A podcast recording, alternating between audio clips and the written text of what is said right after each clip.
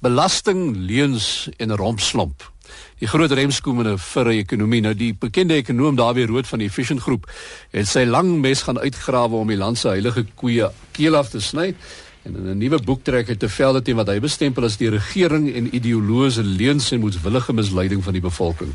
En natuurlik het hy ook raad oor hoe dinge reggemaak kan word. Môre dan. Goeiemôre Kobus. Kom ons kyk net eers na, na waarvan praat ons hier? Ekonomie word gebaseer op bepaalde waardes of mens hoop dit word gebaseer op 'n bepaalde waardestelsel. Handhaaf ons die regte waardes nie lank. Wel jy weet dis eintlik dit gaan na die werklike die die die groot verskillende ekonomiese denkrigtinge. Die groot e verskillende ekonomiese denkrigtinge in die in die een ekstreem het mense die radikale vrye markiers wat alle wat al die klem en al die waardes plaas op die individu. Die individu is die belangrikste, die individu se bewegingsvryheid, sy vryheid om te kontrakteer, sy vryheid om sy arbeid te verkoop en dis meer. Dit is waar op die klem lê in die sogenaamde libertynse ekonomiese of se ideologie. Dis jy nou. Dit is nou sekerlik waar ek is en ek kategoriseer myself met met vreugde in daai uh, in daai kamp alhoewel ek probeer 'n bietjie pragmaties wees. Daar is dan dan mens moet dan moet dan nie heeltemal net radikaal oor sekere goed dink nie. Aan die ander kant wie het jy nou die tipiese sosialiste en in daai kamp kry nou denkers soos byvoorbeeld Karl Marx en en natuurlik ons bestaande uh Suid-Afrikaanse Kommunistiese Party en jy vind ook reste daarvan in Kusatu en selfs in die ANC en die sogenaamde Economic Freedom Fighters. Nou as jy hulle ideologie bietjie gaan ontdek, dan kom jy agter hulle noem hulle self onder andere kommuniste maar dit nie 'n benul waaroor kommunisme gaan nie, maar so 'n soort van nominaal kategoriseer hulle self daar. Nou, dit is nou die twee ekstreme ideologiese denkrigtinge. Nou ek plaas myself soos ek gesê het, heeltemal onbeskaafd in die uh, beskaamd in die kamp van die vrye markiers. Ek dink die belangrikste persoon in hierdie land is ek. Die enigste rede hoekom ons 'n president, 'n grondwet, 'n parlement, 'n grondwetlike hof het, is om my te dien en geen geen ander rede nie. Natuurlik bedoel dit nie ek persoonlik nie, ek bedoel dit nou die die breër ek, die individu en my belangrikste verantwoordelikheid is om jou regte uh te respekteer. En ek verwag presies dieselfde van jou. Ek het die reg om te maak wat ek wil, wanneer ek wil, ek kan gaan waar ek wil, ek kan my arbeid verkoop teen enige prys wat ek wil en geen politikus het die reg om vir my te sê ek mag dit doen of ek mag dit nie doen nie. En dit word slegs beperk deur jou regte. Die ander ouens se siening is nou weer die gemeenskap is die belangrikste en die die breër gemeenskap is behoort om een te wees en jy moet weet daai tipe van en ek stem net eenvoudig nie daarmee saam nie. En ek het baie goeie ekonomiese redes daarvoor. Die allokasieproses van hulpbronne in die ekonomie En die vrymarkstelsel word gedryf deur individuele uh voorkeure, word gedryf deur pryse byvoorbeeld en dit is net eenvoudig soveel meer effektief die vrymark allokasie van hulpbronne as in die geval van 'n sentraalbeheerde stelsel wat ons tipies in die ou Sowjetunie gekry het. Mm. En daai stelsel is net eenvoudig die wyse waarop geïmplementeer word en uh, uh, en ek skryf baie daaroor nogal is net eenvoudig minderwaardig en dit is onvermydelik dat as jy 'n ekonomie kry wat bestuur word deur sentraal bestuur word deur 'n komitee van ekonome, dan kan ek jou die versekering gee dat daai ekonomie se prestasie uh, minderwaardig sou wees.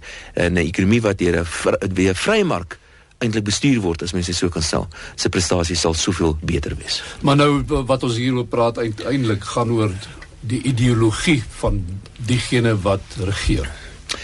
Ja, en as ons en ek moet miskien net dankie sê vir Comrade, dis nou die tweede Comrade en dis Jeremy Cronin en ek het op 'n stadium met 'n kommentaar gelewer oor e-, een van die makro-ekonomiese beleidsplanne van die regering en toe ek nou die kommentaar lewer toe neem Jeremy Cronin my an unreconstructed neoliberal fundamentalist. So baie dankie aan Comrade en ek het dit toe nou gebruik as 'n subtitel vir my boek. Um Uh, ek het kommunisme bestudeer want ek was nog altyd baie geïnteresseerd daarin. Ek was baie keer in Rusland al gewees om te sien hoe hulle beweeg het van 'n sentraalbeheerde stelsel na uiteindelik 'n meer vrye stelsel waar hulle is dan nou vandag. Ek het dit amptelik bestudeer die, die teorie daarvan bestudeer en en en dan vergelyk ek dit nou met die Suid-Afrikaanse Kommunistiese Party en die twak wat hulle kwytraak. So ek is nie 'n kommunis vandag nie en ek weet ten minste hoekom ek nie een is nie, maar die spul kommuniste en die ouens aan die linkerkant van die politieke spektrum in Suid-Afrika wat hulle self kommuniste noem, hulle het nie benul waaroor kommunisme gaan nie. Ek meen hulle het baie duidelik nie eers hulle eie ideologie behoorlik gebestudeer nie, wat hulle baie gevaarlik maak. Maar dit is soveel makliker en eintlik uh dit dit maak sin om met iemand in debat te tree wat ten minste weet waarvoor hy staan en ten minste sy die eie ideologie verstaan Nou as jy iemand in debat tree met iemand wat glo hy behoort aan die een van 'n ideologie en hy verstaan nie eers sy ideologie, eie hmm. ideologie nie, maak dit hom eintlik baie meer gevaarlik. En ek het nogal 'n vermoede dat die linkse groeperings, die politieke groeperings in Suid-Afrika het in 'n groot mate hulle intelligensia verloor. Want die werklike in, intelligensia, die werklike ideologiese leiers in die linker vleuel van die politieke van die politiek in Suid-Afrika was die ou die ou kommunistiese die Joe Slowes van die wêreld. Hmm. Nou hulle is nie meer daar nie. En die die die die, die werklike rigtinggewers, die ideologiese fondamente is op 'n op 'n manier uh, is dit was is dit nou onder my in die afgelope tyd aan die in in die in die ANC en die koalisie en die kommunistiese party. Nou goed, terwyl ons nou besig is om klappe uit te deel, kom ons kyk net na 'n paar ander goed en jy het nou al van uh, onlangs nou uh, heelwat hieroor geskryf en uh, daar is uh, in een van die koerante minstens een van ons weekblaaie het hulle uh, baie groot uittreksel uit jou uh, jou boek ook uh, voorgehou. En dit gaan nou oor hierdie swart ekonomiese bemagtiging. Ehm um, jy weet en en die die oomblik wat jy dit noem in Suid-Afrika het jy so half 'n uh, outomatiese respons uh, 'n mm. aksie van mense uh, en dit word bepaal deur op wat aan watter kant van die politieke spektrum hulle ja. sit eintlik nee. Kobus, jy weet, swart ekonomiese bemagtiging, dit is 'n plek wat uh, ek ek is nou baie jare ekonom en dit is een van daai onderwerpe wat ek doelbewus elke keer probeer vermy het. Want dit is onvermydelik dat jy ernstiger in die moeilikheid gaan kom as jy hieroor praat. Ek het nou 'n hele klompie navorsing daaroor gedoen en vandag is ek nou nie meer bang om daaroor te praat nie want ek dink ek het die behoorlike agtergronde voor en nie, ek het die navorsing daaroor gedoen. En die wyse waarop swart ekonomiese bemagtiging in Suid-Afrika vandag geïmplementeer word, ek is heeltemal gekant daarteenoor. En ek het die verskillende rassegroepe, die groot rassegroepe in Suid-Afrika ontleed en kortliks lyk dit as volg vir die verskillende rassegroepe. Ek het 'n sogenaamde afhanklikheids uh ratios of verhoudings bereken. Dit gaan rofweg daaroor ek kyk hoeveel afhanklikheid uh, afhanklikes daar is in elke bevolkingsgroep. Dit is nou die aantal kinders en die aantal ou mense relatief tot die potensiële werkers. Ek pas dit aan vir werkloosheid, ek pas dit aan vir kwalifikasies en dis meer. Nou die kortliks is die antwoord as volg. Die die swart bevolking in Suid-Afrika se afhanklikheidsverhoudings afhanklikheidsverhoudings is swak, maar is besig om te verbeter. Die kleringbevolking se afhanklikheidsverhoudings is swak en dit is relatief dit blyk swak. Dit is nie besig om te verbeter nie. Ons het 'n probleem met die kleringbevolking. Die indiër bevolking se afhanklikheidsrasios is besig om dramaties te verbeter en um, moet jy waarheid te sê as mens aanpas vir kwalifikasies, dan's indiërs in Suid-Afrika eintlik oor in diens geneem. Ehm um, en 'n verdere punt is ek kan nie sien hoekom Indiërs deel kan wees van swart ekonomiese bemagtiging nie, want hulle doen ongelooflik goed as 'n bevolkingsgroep. Die blanke bevolkingsgroep doen ook fantasties goed, maar die afgelope 4, 5 jaar begin dit swakker gaan met die blanke bevolkingsgroep eenvoudig omdat hulle minder kinders kry. Maar hulle werkloosheidskoers is baie laag en hulle kwalifikasies baie goed, maar geleidelik begin hulle agteruit te boer want hulle het eenvoudig te min werkers. So, wat beteken dit vir ons? Hoe gaan mens werklik waar die mense wat die belangrikste en die mees nodigste het in Suid-Afrika bemagtig? En daar's twee antwoorde hiervoor. Mens moet onthou, die impak van vrouens op 'n gemeenskap is baie baie groter as die impak van mans op gemeenskap want vrouens bepaal die waardes van hulle kinders. Vrouens uh, kry kinders. Uh, vrouens is eintlik die is eintlik die kern van enige huishouding. Dit is die realiteit. En hoe meer vrouens gekwalifiseer het en beter gekwalifiseer het is en toegang tot werksgeleenthede het, hoe groter is die impak op hulle onmiddellike familie en op hulle gemeenskap. So die twee werklike plekke waar ons kan bemagtig in Suid-Afrika is in die eerste plek veral wat swart en kleurling vrouens aanbetref. Ons moet die kwalifikasies, hulle is vaardighede verbeter. Dit beteken ons moet iets doen aan die kwaliteit van onderwys in Suid-Afrika en in die tweede plek ons moet iets doen om toegang vir werksgeleenthede makliker te maak vir swart en kleurling vrouens veral. En dit beteken ons moet arbeidswetgewing sodanig aanpas dat hulle toegang tot werk kan kry want die primêre funksie van 'n vakbond is nie uh, sy primêre funksie is om sy werkers teen die werklooses te beskerm. Kusati moenie vir sê hulle wil probeer werk skep nie. Dis twak daai. Kusati wil sy lede beskerm teen daai geweldige klomp mense daar buitekant wat glad nie werk het nie en hy bou mure teen uh, rondom sy eie hmm. werkers en daai mure staan bekend as arbeidswetgewing. So dis van die heilige koeie, koeie wat ons beslag in Suid-Afrika. Ek is gekant teen swart ekonomiese bemagtiging soos ons dit vandag doen in Suid-Afrika, maar ek is versekerlik ten gunste van armoede verligting en arme uh, ekonomiese bemagtiging in die land en ons doen dit deur beter onderwys en toegang tot werksgeleenthede.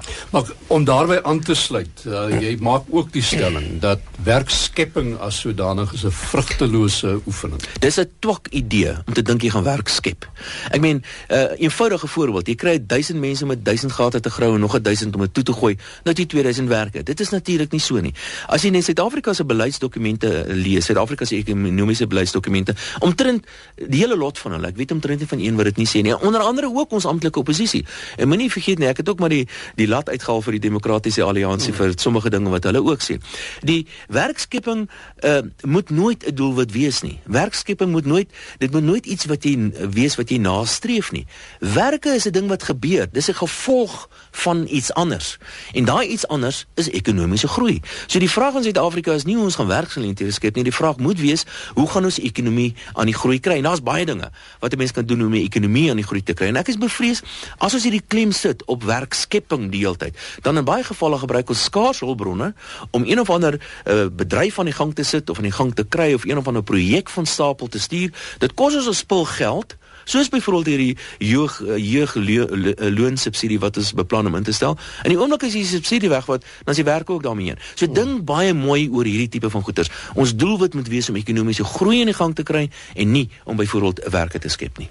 Die land se probleem is nie armoede nie sê jy. Ja, die grootste probleem en dit is 'n probleem wat ek het met met met weer 'n keer hierdie ideologiese verskil. As mens luister na na, na politieke uitsprake dan sê hulle die groot gaping tussen die haves en die have-nots in Suid-Afrika. Ons moet iets doen aan die, die sogenaamde Gini koëffisiënt want die rykes bly word ryker en die armes word armer en dit is die groot probleem in Suid-Afrika. Dit is swak.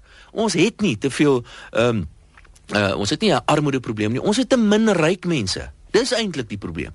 Ek weet hoeveel keer sê die kry mense hierdie twak wat politici kwytraak dat hulle die ryk mense wil hulle meer en meer belas. Ons wil nie ryk mense hê nie. Is jy gek in jou kop? Natuurlik wil jy ryk mense hê, maar die waarheid is ons wil meer ryk mense hê. En wat kan ons doen om die armoedes, die armes ook die geleentheid te kry om ryker mense te word in Suid-Afrika? Want ryk mense vir eh, vat daai geld en hulle bestee dit en dit skep werk eintlik. Natuurlik, dis een van die goed. Ryk mense, dit is onthou nou. Uh, uh dis onvermydelik vir 'n ryk mens, hy moet sy rykdom deel. Dit is onmoontlik vir 'n ryk mens om ryk te wees alleen op 'n eiland dan is jy nie ryk nie. Jy's niks nie. Jy's altyd in 'n konteks van 'n gemeenskap ryk of arm. En 'n ryk mens vat al sy geld en sit dit alsi in die bank, dan kan die arme mense dit gaan leen, byvoorbeeld. Selfs al sit jy 'n goue toilet in jou huis, moet iemand die goud in die grond gaan uithaal en die toilet maak. Weet, jy het onvermydelik moet jy jou rykdom deel. Ons moet beleidsaksies in plek stel om meer ryk mense te kry. En die werklike gaping in rykdom is nie is nie tussen die rykes en die armes in Suid-Afrika nie. Die werklike gaping in rykdom in Suid-Afrika is tussen mense wat werk het en mense wat nie werk het nie. En ons probeer ons ons ons hou dit so. Ons hou dit aktief so. En ons ons sit arbeidswetgewing en ons verbied of maak dit moeilik vir arme mense om deel te neem aan die arbeidsbestaande werk wat daar beskikbaar is. En dit kom terug na my waardes aanvanklik. Die individue moet toegelaat word. Hoe hoe op aarde of wie gee politikus die reg om vir my te sê ek mag nie my arbeid verkoop teen 'n sekere bedrag nie. Dit het absoluut niks met hulle te doen nie. Dawie, uh, kom ons kyk 'n bietjie breër nou want uh, ons het die afgelope 4, 5 jaar ondergaan hierdie wêreld 'n uh, finansiële krisis wat hier hmm. in 2008 skielik ons getref het. Ehm um, daar's baie skuld voor baie mense se deure gelê. Uh die die ouens wat die meeste deurloop uh sodra mense daaroor begin praat is die is die groot banke van Wolstraat. Dis die daai die die die algemene term wat mense gebruik Wall Street's big banks. Ja, die finansiële krisis. Iemand met die skuld kry vir die finansiële krisis. Nou die ouens wat die skuld kry is die bankiers of hierdie ouens wat op uh, Wall Street die die hoofuitvoerende beamptes en direkteure van groot maatskappye of onvoldoende regulasie is een van die ander goeters en en banke wat besig is om in besighede op te tree wat hulle veronderstel is om nie by betrokke te raak nie. En on, onverantwoordelike uitlening dis mens in Suid-Afrika ook die ding. Jy is besig met onverantwoordelike lenings maar ek het nog nooit gehoor van onverantwoordelike mense wat onverantwoordelik geld leen nie. So jy kan uitleen onverantwoordelik maar jy kan nie geld leen onverantwoordelik nie. Dis die, Die die probleem in die rede vir die finansiële krisis het, het te doen met die verkeerde makro-ekonomiese beleid. Wêreldwyd en veral in Amerika was rentekoerse eenvoudig te laag. In Amerika het hulle instellings gehad, nou nog, wat arm mense aanmoedig om eiendom te koop wat hulle nie kan bekostig nie. Freddie Mac en Fannie Mae byvoorbeeld. Hierdie die gevolge daarvan was 'n reusagtige borrel op die eiendomsmark in Amerika. Uiteindelik het die borrel gebars. Dit het die finansiële stelsel tot stand tot stilstand gebring en uiteindelik aanleiding gegee tot die groot finansiële krisis. Dit was nie Wall Street se skuld nie. Dis verkeerde makro-ekonomiese beleid en raai wie's agter dit? Politici.